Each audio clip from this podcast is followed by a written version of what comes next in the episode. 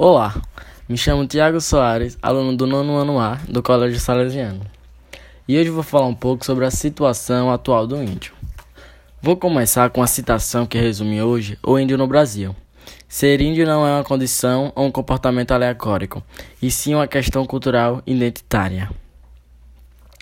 Então, gente, ser índio não é apenas colocar um cocá, dançar em volta de uma fogueira e fazer artesanatos. O índio hoje tem um papel muito importante para a nossa formação. Ele é a real origem do povo brasileiro.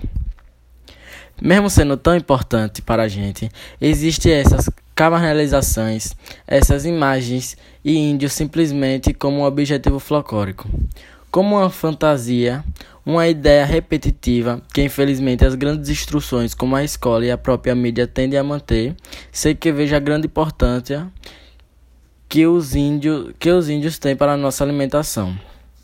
Para a nossa cultura, para o nosso habitat e por último, não menos muito importante, para a nossa língua. Muitas palavras que usamos hoje é derivado do tupi-guarani, vindo dos índios que fazem nossa história tão interessante.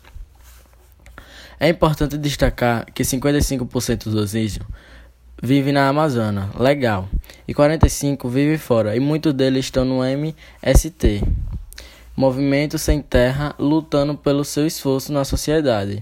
E seu grande principal genocídios acontece com a chegada dos portugueses em 1500, quando eles passavam por um processo chamado aculturação, que nada mais é do que a imposição de uma cultura, sendo um hábito de uma crença, uma língua. Com isso começamos a ver a negligência que o povo índio sofre, como por exemplo, só existe um único órgão responsável por toda a necessidade que eles têm.